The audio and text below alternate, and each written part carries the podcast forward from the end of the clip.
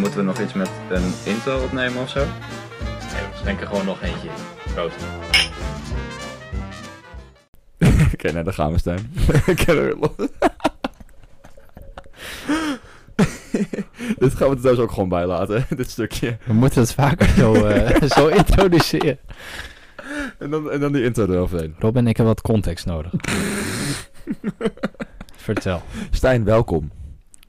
Dankjewel, Robin. Eindelijk zitten we weer. Het heeft een tijd geduurd voordat we het eindelijk hebben kunnen afstemmen. Ja, Inderdaad. Ja, we- hele drukke agenda's. nou, volgens mij niet. Het ging vooral om slapen en even bijkomen de laatste week.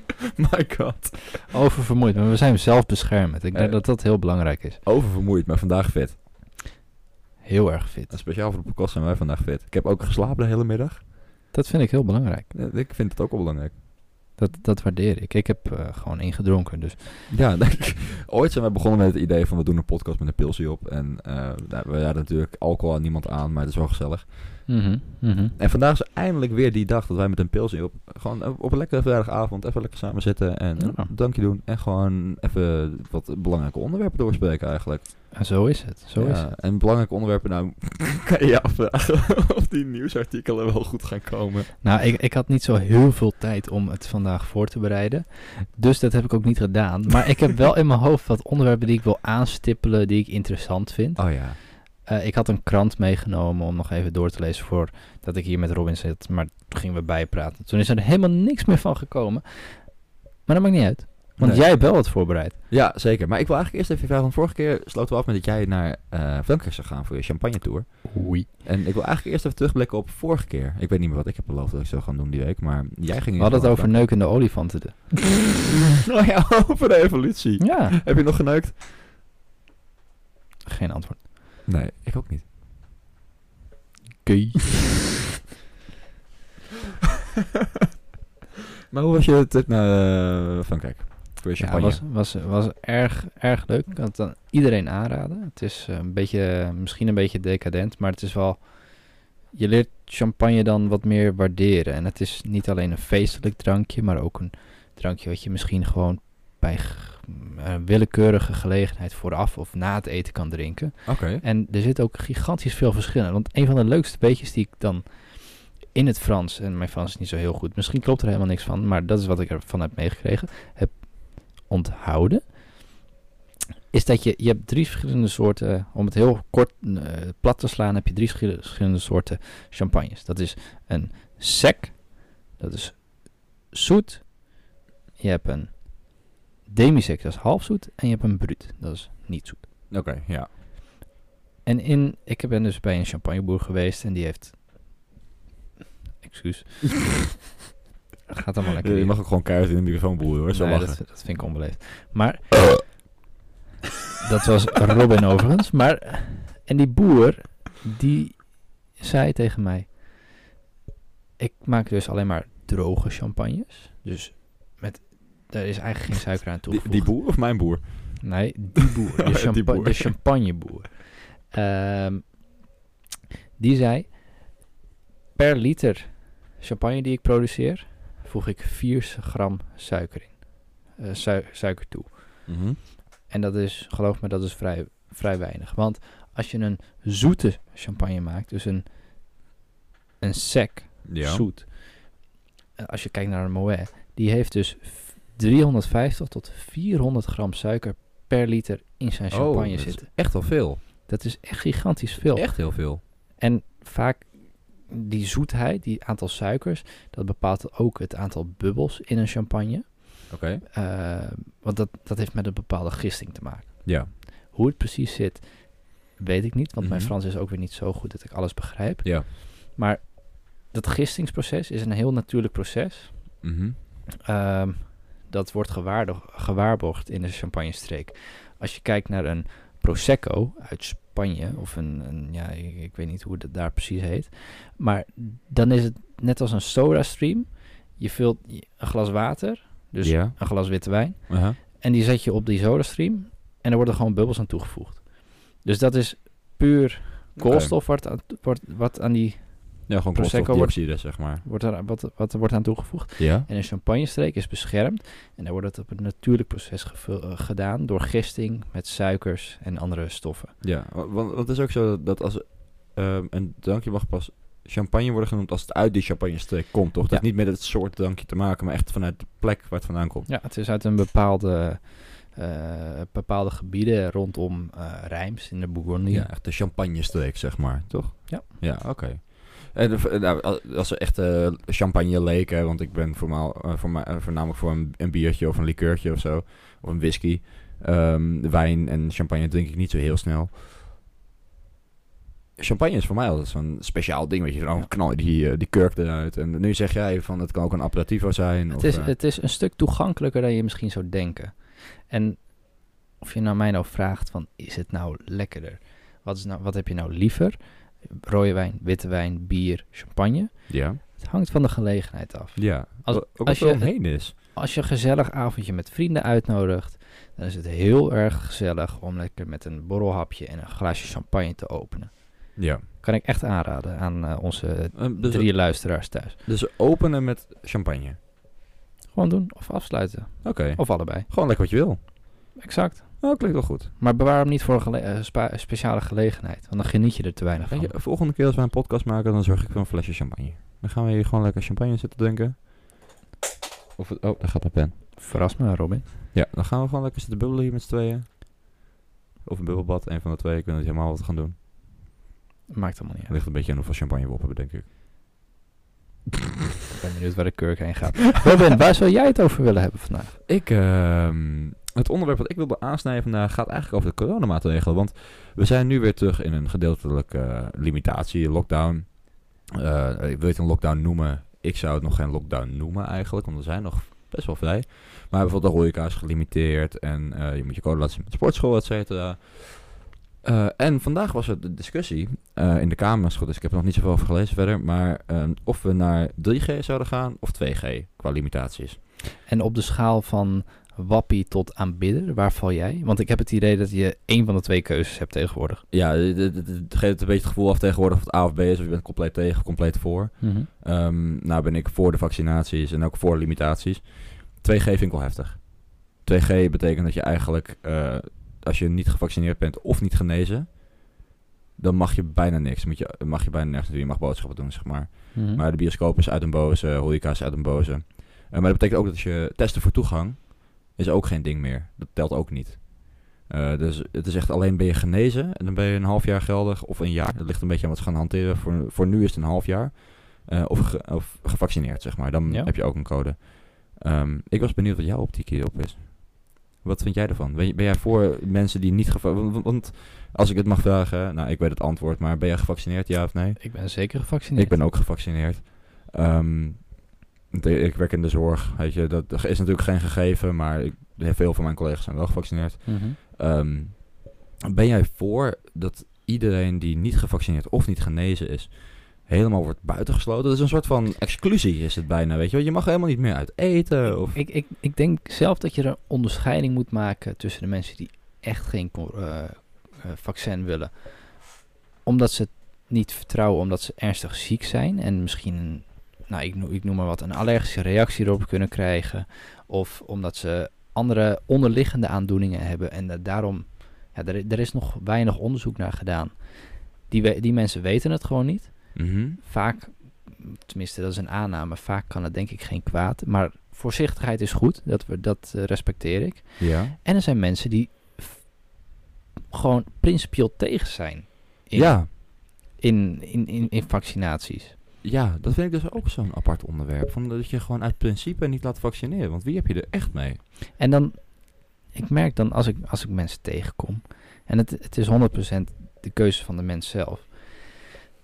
Maar als hij, ja, ik weet niet wat de lange termijn effecten zijn van een vaccinatie. Dat is een van de meeste voorkomende eh, argumenten die ik Ja. tegenkom. En dan denk ik, een vaccinatie, als je een vaccinatie neemt, de werking daarvan is relatief gezien kort in je lichaam.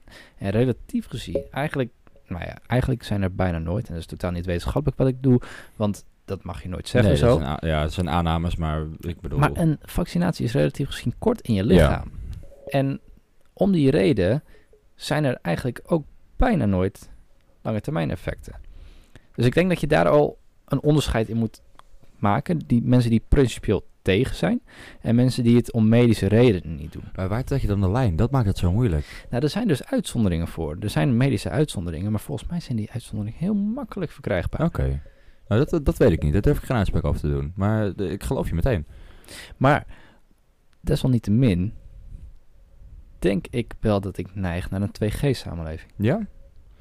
Eh, want ik moet zeggen, kijk, eh, het idee is zeg maar, van een 2G-samenleving. ehm tenminste, hoe ik het dan eh, begrijp, is dat dus gevacci- eh, gevaccineerde en genezen mensen, dus mensen die het laagste, ehm, de minste kans hebben om ziek te worden en de meeste antilichamen in hun lijf hebben, die, mogen, die zijn los, zeg maar. Eh degenen die dat niet zijn, die mogen niet naar restaurants, zwembaden, sportscholen, veel evenementen. Maar ook niet naar bioscopen, theaters, musea en casino's. Maar ze mogen wel naar attractieparken, scholen, uitvaarten, evenementen in buurthuizen en bibliotheken.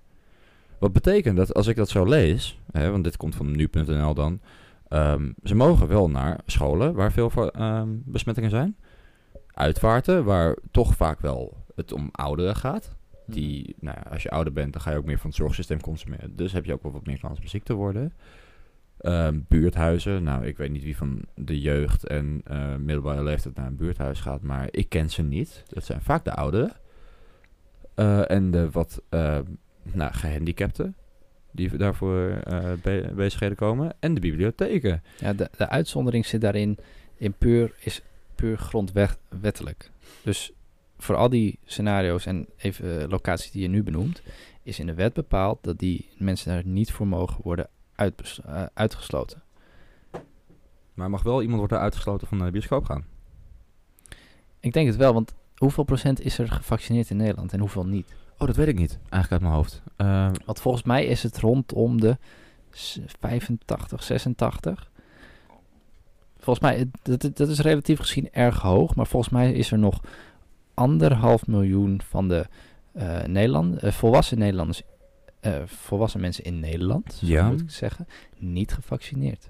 Maar ook, dus al die andere, die andere helft, minder, minder mensen onder de 18, ik weet niet hoeveel dat is, eh, 18 jaar en ouder. die zijn wel gevaccineerd. is volledig gevaccineerd 84,7% via coronadashboard.nl overheid. En 12 jaar en ouder is 72,7% volledig gevaccineerd, staat hier. 82. On- onder 18, eh, dus dat is 12 tot en met 17, is 61% volledig gevaccineerd. Als ik het zo even snel lees. Oké, maar moeten. Dat is laag. Dit, dit is een hele ethische kwestie. En ik heb er ook geen antwoord op. En ik heb er wel een mening over. En iedereen mag daar wat anders over vinden. Maar ik denk zelf. In een democratie bepaalde meerderheid. Ja. En Ja, als die de meerderheid zo gigantisch is, van dus 85%, dan moet er toch geen discussie over zijn. En uitsluiting is nooit goed, maar je moet ergens heen in zo'n crisissituatie. En dat, is, dat maakt het ongelooflijk lastig. maar denk je dat, dat we dan ook vaccinatie kunnen verplichten als de meerderheid dat vindt? Dat is weer een heel ander beest. Ik, ja, ik moet Want- zeggen, ik heb daar niet direct een antwoord op. Ja, ben- Oostenrijk ik- doet het nu wel, Oh, sorry. of die wil het gaan doen. Sorry, ik zat Stijn te schoppen. Maar wat is jouw optiek erover? Uh, ik denk dus inderdaad dat het eh, afdwingen van vaccinaties, dat, dat is natuurlijk iets wat we in Nederland nooit hebben kunnen doen. Denk aan de Bijbelbelt, waar eh, op zijn tijd ook gewoon polio heeft geheerst, wat eigenlijk een bijna uitgestorven ziekte is tegenwoordig en goed te behandelen. Ehm, dwingen kan niet. Nou ben ik wel eigenlijk voor de sociale druk erop leggen. Dus inderdaad de 2G-situatie. Eh, dat je eigenlijk gewoon flink beperkt wordt als je niet gevaccineerd bent of niet genezen. En nou is dat, ehm, dat is mijn volgende punt dat ik wilde maken. Want de, je kan dus, de tweede optie is je echt niet wil vaccineren. En dat kan. Dan ehm, kan je besmet worden en genezen. En nu zijn er dus websites die COVID in een buisje verkopen. En ik hoor ook steeds meer om me heen van die mensen die dan... Ga, dan is iemand ziek en dan ga je daar expres eten. Ga je elke dag langs zodat je een keertje ziek wordt. Zodat je een half jaar die code hebt. Ik heb, ik, ik heb het toevallig ook gehoord vandaag. Dat was mijn moeder die dat zei. Dat was op het nieuws. Een, een zoon die uit huis was, die had corona. Ja. En de ouders, vader en moeder, die gingen daarheen en die gingen elkaar omhelzen. Want die hadden zoiets dan heb ik het ook maar gehad. Dan hoef ik me niet iedere keer te laten testen. Die dronken uit hetzelfde glas. En toen hadden ze corona. En toen was het alsof, eh ze waren al jaren niet ziek geweest. Nou, heel goed. En nu liepen ze te zeuren dat ze zo ongelooflijk ziek waren. Ja, gek hè? Ja. Eh, als je dan de keuze hebt tussen... eh, want, want in principe is een vaccinatie is een verzwakte vorm... of eh, je lichaam bekendmaken met het virus. Ja. Of het echt krijgen en ziek worden... en gewoon een week je vrijheid kwijt zijn, zeg maar in dit geval dan. Of misschien wel langer. Of misschien kom je op de IC, weet jij veel. Dus echt dus is roulette is het eigenlijk. Ja. Welk Is- moment is- is ben het jij dus- zo suicidaal... dat je jezelf ziek wil gaan maken met het risico... dat je misschien de pijp uitgaat? Ja, maar ik denk dat de ondermijning is van de ziekte. En misschien niet willen erkennen. En ik denk dat het ook voor echt gezonde mensen misschien niet heel erg eh, gevaarlijk kan zijn. Maar neem dan de verantwoordelijkheid om de kwetsbaren te beschermen. Ja, en dat is de boodschap al anderhalf jaar. Bescherm de kwetsbaren. Het voelt een beetje als ikke, ikke, ikke. Eh, en eh, ik moet ook zeggen dat eh, de houding van de horeca, van de horecabaas, het is, het is verschrikkelijk voor ondernemers, hè, dat ze zo worden teruggedrongen. En dat, ze hebben echt compleet mijn sympathie en ik denk dat we het moeten ondersteunen. Maar dit nooit iets willen. Van, ik ben ook echt een paar keer wel uit eten geweest en je wordt gewoon niet gecontroleerd, et cetera. En ze weigeren. En het is nooit goed. Nee, je kan gewoon niet tot half vier open in de ochtend. Dat is gewoon niet waar, de situatie waar we nu in leven. Eh, maar het is nooit goed. En er wordt echt wel ruimte voor gemaakt, weet je wel. Er wordt, er wordt eh, een beetje gegeven waar kan. Ja, er komt even een vliegtuig voorbij hoor. Zo, alsof hij neerstort. Ja, ik vraag me af of je dat hoort. Ik hoor het niet zo, denk ik. Maar, Eh, maar anyway. Ik vind de horeca echt enorm dwars in deze situatie. Ik snap dat heel erg is voor ondernemers, maar... Wat vind je dan van het inloopmodel? Oh, wat is het inloopmodel? Nou, het, in principe moet de horeca om 8 uur dicht zijn. Maar nu heeft de horeca gezegd van... Wat nou als we om 8 uur Oh. niemand, niemand binnen laten lopen... Ja, maar dat dat de mensen wel mogen blijven zitten. Dus je mag om half acht komen zitten en eten. En dan mag je daar lekker borrelen. En dan, nou ja, laat het zeggen, om 12 uur gaat de boel dicht. Wat alt- altijd al zo was. Maar dan komt er in ieder geval niemand meer bij. Vind ik op zich eh, geen slecht idee om een beetje mee te kunnen geven. Aan de andere kant denk ik ook van, het gaat er niet alleen om de mensen die binnen zijn, of de hoeveelheid mensen. Je kan, de, de, de, er hangen twee, erg twee kanten aan in mijn optiek. Want je laat dan mensen binnen en nou, die komen dan, laten we zeggen, om zes uur ga je een beetje eten en blijf je hangen, acht uur, twaalf uur. Nou, weet je, dat, dan heb je één groep heb je binnen gehad en om acht uur mag niemand meer binnen. Heb je één badge er doorheen gewerkt. Ehm, aan de andere kant is het, des te langer je blijft, des te meer teut raken de meeste mensen. En wordt het wat knuffeliger, wordt het gezellig met andere tafels. Komt er een dansje bij, word je, kom je dichterbij. Wordt de besmetting wel weer hoger. Op een kleine groep. Maar ik Maar- denk dat het elkaar wel afweegt. Want als je afstand houdt tussen tafels, is de besmetting lager. Maar lost het 3G-model dat niet op? Want als je gaat zitten, moet je gecontroleerd worden. Dat is waar. En wat je net zei, inderdaad, je gaat soms eten en dan word je totaal niet gecontroleerd. Of je mag hem laten zien. En of het nou rood of groen is, maakt niet uit. Want je mag toch al zitten, maar je bent wel gecontroleerd. Eh, nou, als, je, als je rood is, mag je niet zitten, toch? Dan moet je weer vertrekken. Volgens mij verschilt dat heel erg per horecatent. Volgens mij is dat een regel die ze zelf hebben gemaakt. Want als het goed is, mag Ja, je nee, niet zitten. nee, in principe mag je niet zitten. Maar het gebeurt wel. Dat is ja, wel oké, de Ze hebben wel werkelijkheid. gecontroleerd, maar ze zijn zich van bewust dat je niet... Oké, ja. Ja. ja. het is wel de werkelijkheid inderdaad. Nee, ik denk ehm, dat dat niet, niet oké is. Dat ten eerste. Nee, dat, dat is niet oké. Maar zou in, in theorie zou dat 3G-model het niet moeten oplossen? Ehm, Hè, die, dat aantal besmettingen. Want nu ook wat je in de voetbalstadia ziet. Er zijn enorm weinig eh, eh, besmettingen te herleiden uit die voetbalstadia. Omdat daar wordt gecontroleerd op zo'n 3G-model. Ja, dat je wel gevaccineerd of getest bent. Of, eh, en ik weet, ik weet, ik ben zelf al een tijd niet meer in een voetbalstadium Nee. geweest. Dus ik weet niet hoe, hoe streng die controle is. Maar in principe is het, in theorie is het natuurlijk zo. Ben jij rood, dan kom je er niet in. En uit de data bleek ook dat er heel weinig besmettingen te, zijn, te herleiden vallen Ja. in die voetbalstadion. Die mogen nu niet meer zitten. De hele Amsterdam Arena, of Johan Cruijff Arena, die is niet meer gevuld. ja. Ja, zonde. Waar gaat dat dan mis? Ja, ik denk dat het meer misgaat op het punt dat ze moeten ergens beperken, weet je wel. Maar bijvoorbeeld scholen beperken, wat wel echt besmettingswaarden zijn. Bijvoorbeeld hoe vaak hoor je nou dat een basisschoolklas naar huis toe moet? Eh, Ik heb het vandaag nog een paar keer gehoord. Ehm, je moet ergens beperken, maar dan denk ik toch dat de, het, het de educatie gaat voor voetbalwedstrijd. Ja, we, we kunnen op de tijd letten, maar ik denk dat we wel best flink goede gesprekken hebben, toch? Ja, ik, ik, zit even te kijken en inderdaad, dat loopt op. Ja, nee, we, gaan, we, zitten bijna- we zijn net over de 20 minuten heen met een paar seconden. Maar dit komt wel goed. Ik vind het wel... eh, Dit is een van onze betere met een pilsje op. Het is een goed onderwerp, maar het is ook een pittig onderwerp. Ja, Dus- nee, het is leuk, leuk om hier even over te worstelen. en ik denk dat we er zelf over denken, maar we, we- ik denk dat we ook goed alle kanten benaderen. Ja, ik denk het ook wel. Maar wat vind jij nou van de mensen die geen vaccin eh, willen, omdat ze het niet vertrouwen, maar wel alle drugs van de wereld uitproberen? Ja, dat snap ik ook niet. Ik, ik, ik, tenminste, ik, eh, aan hoe je het zegt, denk ik dat jij het met me eens bent. Ik begrijp het niet. Want eh, als jij eh, met je volle verstand ecstasy bijvoorbeeld naar binnen gooit, hè? Wat zit er bijvoorbeeld in? Nou, mij is altijd geleerd vaat, ehm of grootstellenstopper, onder andere. En, dat is een basisingrediënt. en antivries, ja. Ik weet niet, brandlekker of zo. Het zal maar wat zijn. Pas wel. Ik heb het nooit geprobeerd, het zal wel. Ehm, dat, oké, dus, maar dan weet je misschien één van de componenten. Dan kan je nog zeggen, oké, ik neem het met volle verstand, neem ik. Vaatwas ontstopper, of um, grootste ontstopper, gooi ik in mijn lijf. Dan komen we bij natuurlijk al duizend vraagtekens boven mijn kop, maar dat ligt misschien aan mij. Ehm, maar zo'n vaccinatie, iets wat gewoon, en de, de, dus ook, ja, dat is zo, in zo'n korte tijd, nou, het heeft alles met de funding te maken hoe Absoluut. snel het gaat met, met de ontwikkeling van zo'n vaccin, weet je wel. En er zijn echt wel goed getest. En natuurlijk zijn eh, de lange duureffecten minder goed eh, te controleren. Maar dat is altijd het geval bij zo'n vaccin. En ik, ik, ik, ik snap 100% het wantrouwen, want als je kijkt naar een ander virus dat in, met alle respect, in Afrika afspeelt, het is ver van ons bed. De prioriteit ligt een stuk later. kijk, nu- kijk naar het ebola-virus bijvoorbeeld. Exact. dat kwam op een gegeven moment best wel dichtbij. Daar gaat hij dan best vol gas. Maar dat liep al, al jaren daar. Dat liep al jaren daar, maar pas toen het, nou het is heel kort volgens mij in Nederland geweest. Ja.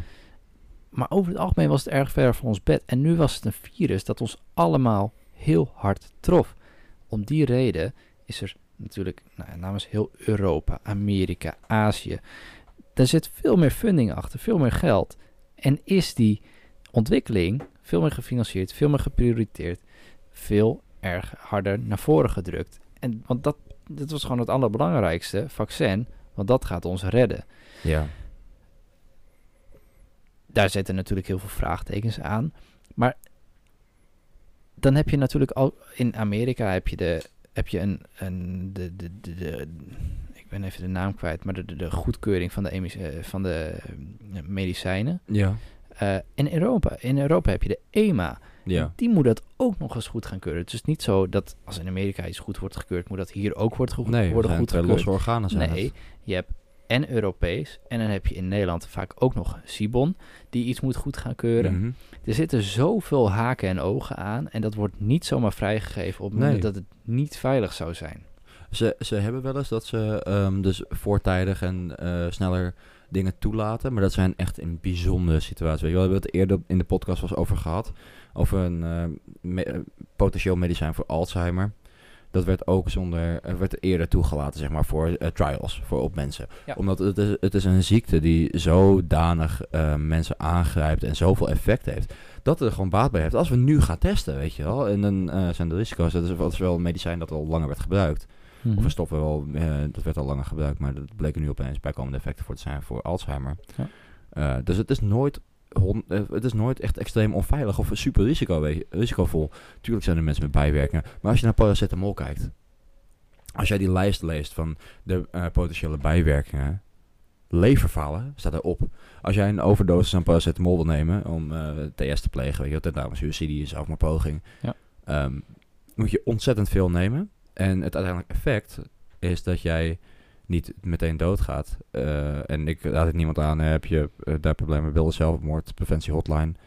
Ehm, helpen, uitstekend overigens. Ehm, ja, dat is een verhaal op zich, was niet voor mij. Ehm, Oké, oké. nee, maar die, eh, die, die moet echt heel veel gram paracetamol nemen. Eh, en dan ga je We gaan hier geen aantal- zelfmoordadvies geven. en Maar hoe kijk je- hoe weken kijk krijg jij- je leverfalen. Hoe kijk jij aan te- tegen, i- of tenminste laat ik het anders framen, is een oplossing de coronapil? Op het moment, Coronapil. het moment hebben Merck, Een soort van... En- nee, laat maar. Merck en Pfizer hebben een, eh, een, een, een, een medicijn ontwikkeld dat helpt tegen de kla- klachten dat je direct moet innemen, zodat je minder... eh Merck heeft Molnupiravir, ik weet de naam toevallig om een of andere vage reden. Eh, en dat werkt ongeveer 50% bij directe inname van de... ehm, op het moment dat je positief bent getest. En dat helpt er dus voor dat je 50% minder kans hebt om op de IC te belanden. Het, het verdringt de klachten. Een soort van syphilis-achtige medicatie. Dat je één keer zo'n pil neemt en dan is je in één keer. Nou ja, geen, geen idee hoe het werkt. Geen idee Chlamydia is dat volgens mij zoiets. Heb je ook zo'n pil voor? Die neem je gewoon één keer en dan zijn je klachten... Ik heb geen... Nee, maar volgens mij moet je 40 pillen slikken. 40 pillen? Acht per Hallo? dag. Volgens mij is het 8 per dag of Jezus, zo. tyfus. Ik weet niet hoe het per, bij Pfizer zit, maar die schijnt nog een stukje effectiever te zijn. Geen idee hoe het werkt. Maar is dat dan een oplossing? Nou ja, voor degenen die dat willen, eh, als je echt gewoon 100% tegen bent. Ik weet het niet. Ik, ik, ik heb hier nog nooit van gehoord eigenlijk. Ja, lees het nieuws niet zeker. Nee. Dit, dit schijnt de enige uitkomst te kunnen zijn. Maar die medicijnen zijn versneld goedgekeurd in Amerika. En die moeten in... eh, de Merck-pil is nu in Groot-Brittannië ook goedgekeurd. Ja. Eh EMA blijft nog achter, maar die zijn gewoon... Dat is gewoon zo strikt. Zijn voorzichtiger, hè? Veel voorzichtiger. De Europese Unie is voorzichtig. En dat is goed. Dat is heel goed, want dat zorgt gewoon voor onze veiligheid. En daarom, Mhm. alles wat hier op de markt komt, is gewoon gekeurd. Er zijn studies over geweest. Er zijn cijfers, keiharde cijfers voor. Ja. Je merkt dat trouwens in meer dingen dat de EU eh, voorzichtiger is. Bijvoorbeeld ehm, voor motorhelmen. Om maar iets te noemen. Nou ben ik natuurlijk motorrijder, maar je hebt ehm, eh, DOT heb je. Dat is in Amerika is dat wel een flinke rating. En je hebt ook ECE en daar worden, er heel veel helmen worden fout, eh, eh, die in Amerika mogen worden hier afgekeurd. Omdat ze niet veilig genoeg zijn. Ik ga even compleet van het Wat een mooi zijbruggetje. Ja, mijn helm staat achter jou op de, op, op de kast. Maar Robin, ik... We kunnen blijven praten over COVID. Ja. Maar ik vind die helm wel een mooi bruggetje naar de Formule 1. Ja, kom op. Want daar wil ik het eigenlijk over ja, ja, ja, ja. oké, leuk. Ja, kom op. Laten we gewoon een keer wisselen. Wa- Ja. Laten we wat anders Ja, doen. nee, inderdaad. We hebben echt vet lang over COVID zitten babbelen. Ben jij bekend met de Formule 1? Ja, ik ben er wel mee bekend. Hou je dit seizoen een beetje bij? Weet je, hoe- weet je wat de stand ervan is? Nee, ik weet niet wat de stand is, maar ik eh, hoorde wel laatst iets over een, een boete van 50k voor Max of zo. Ja, dat, ja. Daar gaan, gaat, de, gaat de VIA lekker van uit eten. Ja. Dat heeft hij letterlijk ja. Ik heb dat interview gekeken inderdaad. Vet lachen. Dus eh, daar kunnen ze hele dure en goede wijn van drinken. Zo. Dat, dat, dat gunt Max hun. Dat was een zuur boertje trouwens. Zo. TMI. Maar deze, dit seizoen draait eigenlijk volledig om Max Verstappen tegen Lewis Hamilton. Ja, ja dat, dat heb ik wel meegekregen inderdaad. Ja. Want de, ik, ik las heel kort een kop over dat de penalty van Max niet wordt eh, doorgetrokken. Eh, hij heeft geen penalty gekregen voor een uh, Nee, met Hamilton. persoonlijke visie is dat Mercedes nu op ramkoer is.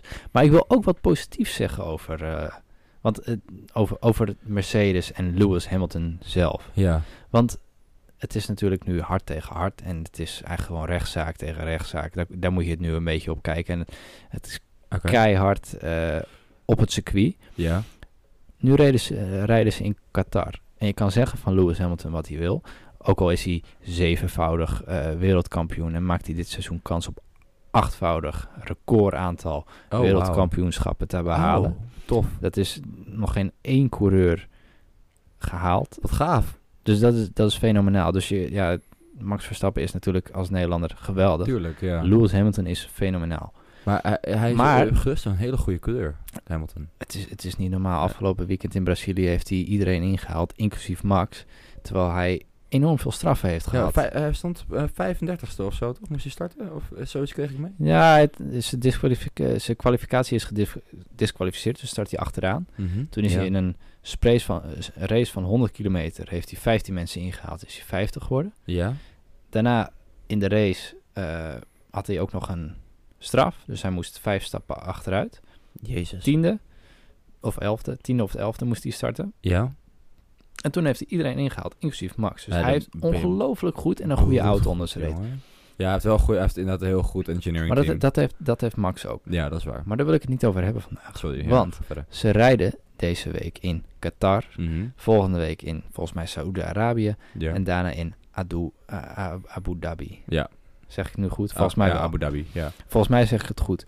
Maar Hamilton is wel iemand die zich goed inzet voor de mensenrechten in Qatar. En nu heb je natuurlijk het WK eh, ergens in het Midden-Oosten mm, volgende zomer of volgende Ja. winter ergens. Mhm. En nu racen ze dus drie keer achter elkaar in de woestijn. Ja. Maar de mensenrechten zijn er heel slecht voor. En hij spreekt Ja. zich daarvoor uit. Wat goed. Hij zegt, we moet, ik weet dat ik zelf, hij is ook heel zelfbewust. Ik race daar ook, Ja. omdat dat moet. Ja, het is je werk. Ik bedoel, Het is je werk. Maar er wordt wel heel makkelijk gekozen voor het geld. Het geld die bepaalt uiteindelijk waar we gaan racen en waar de circuits zich open voor stellen. Hij rijdt deze week speciaal met een helm met een regenboogvlag. Oh, dat wat natuurlijk, goed. Dat natuurlijk heel erg staat voor de LHGBT. Ja, er komen elke letters bij. voor Als ik het goed zeg. Ja, Ik hoop dat ik het goed zeg. LGBTQT of zo is het volgens mij. Ja, maar dat is natuurlijk geweldig dat hij dat statement maakt. En zijn oproep was: meer sporters en coureurs moeten zich daarvoor uitspreken. Ja. Wat vind jij daarvan? Ja, ik vind dat eigenlijk wel... ehm, eh, ik denk dat het inderdaad te weinig gebeurt.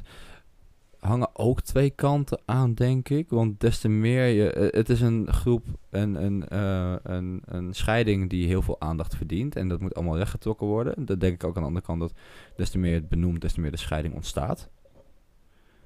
Begrijp ik wat ik bedoel? Dus te meer je het is maar benoemd van... Ik ga nu een regenboog op mijn helm zetten of een Ja, ja, zweetbandje ja. dragen met... Dan maak je het heel duidelijk dat het een andere groep is. Eh, nou heb ik het nooit echt gevoeld als het is een andere groep. Maar dat is misschien ook in waar we zijn opgegroeid. Ehm, ik vind het goed dat het aandacht krijgt. Eh, en net zoals met die... ehm, je hebt ook zo'n dag ervoor, weet je wel. En ik hoop eigenlijk dat ooit die dag niet meer nodig is. Want het, is gewoon, het zijn ook mensen. En lief- 100%. liefde is liefde, weet je wel. Dat moet je lekker zelf weten.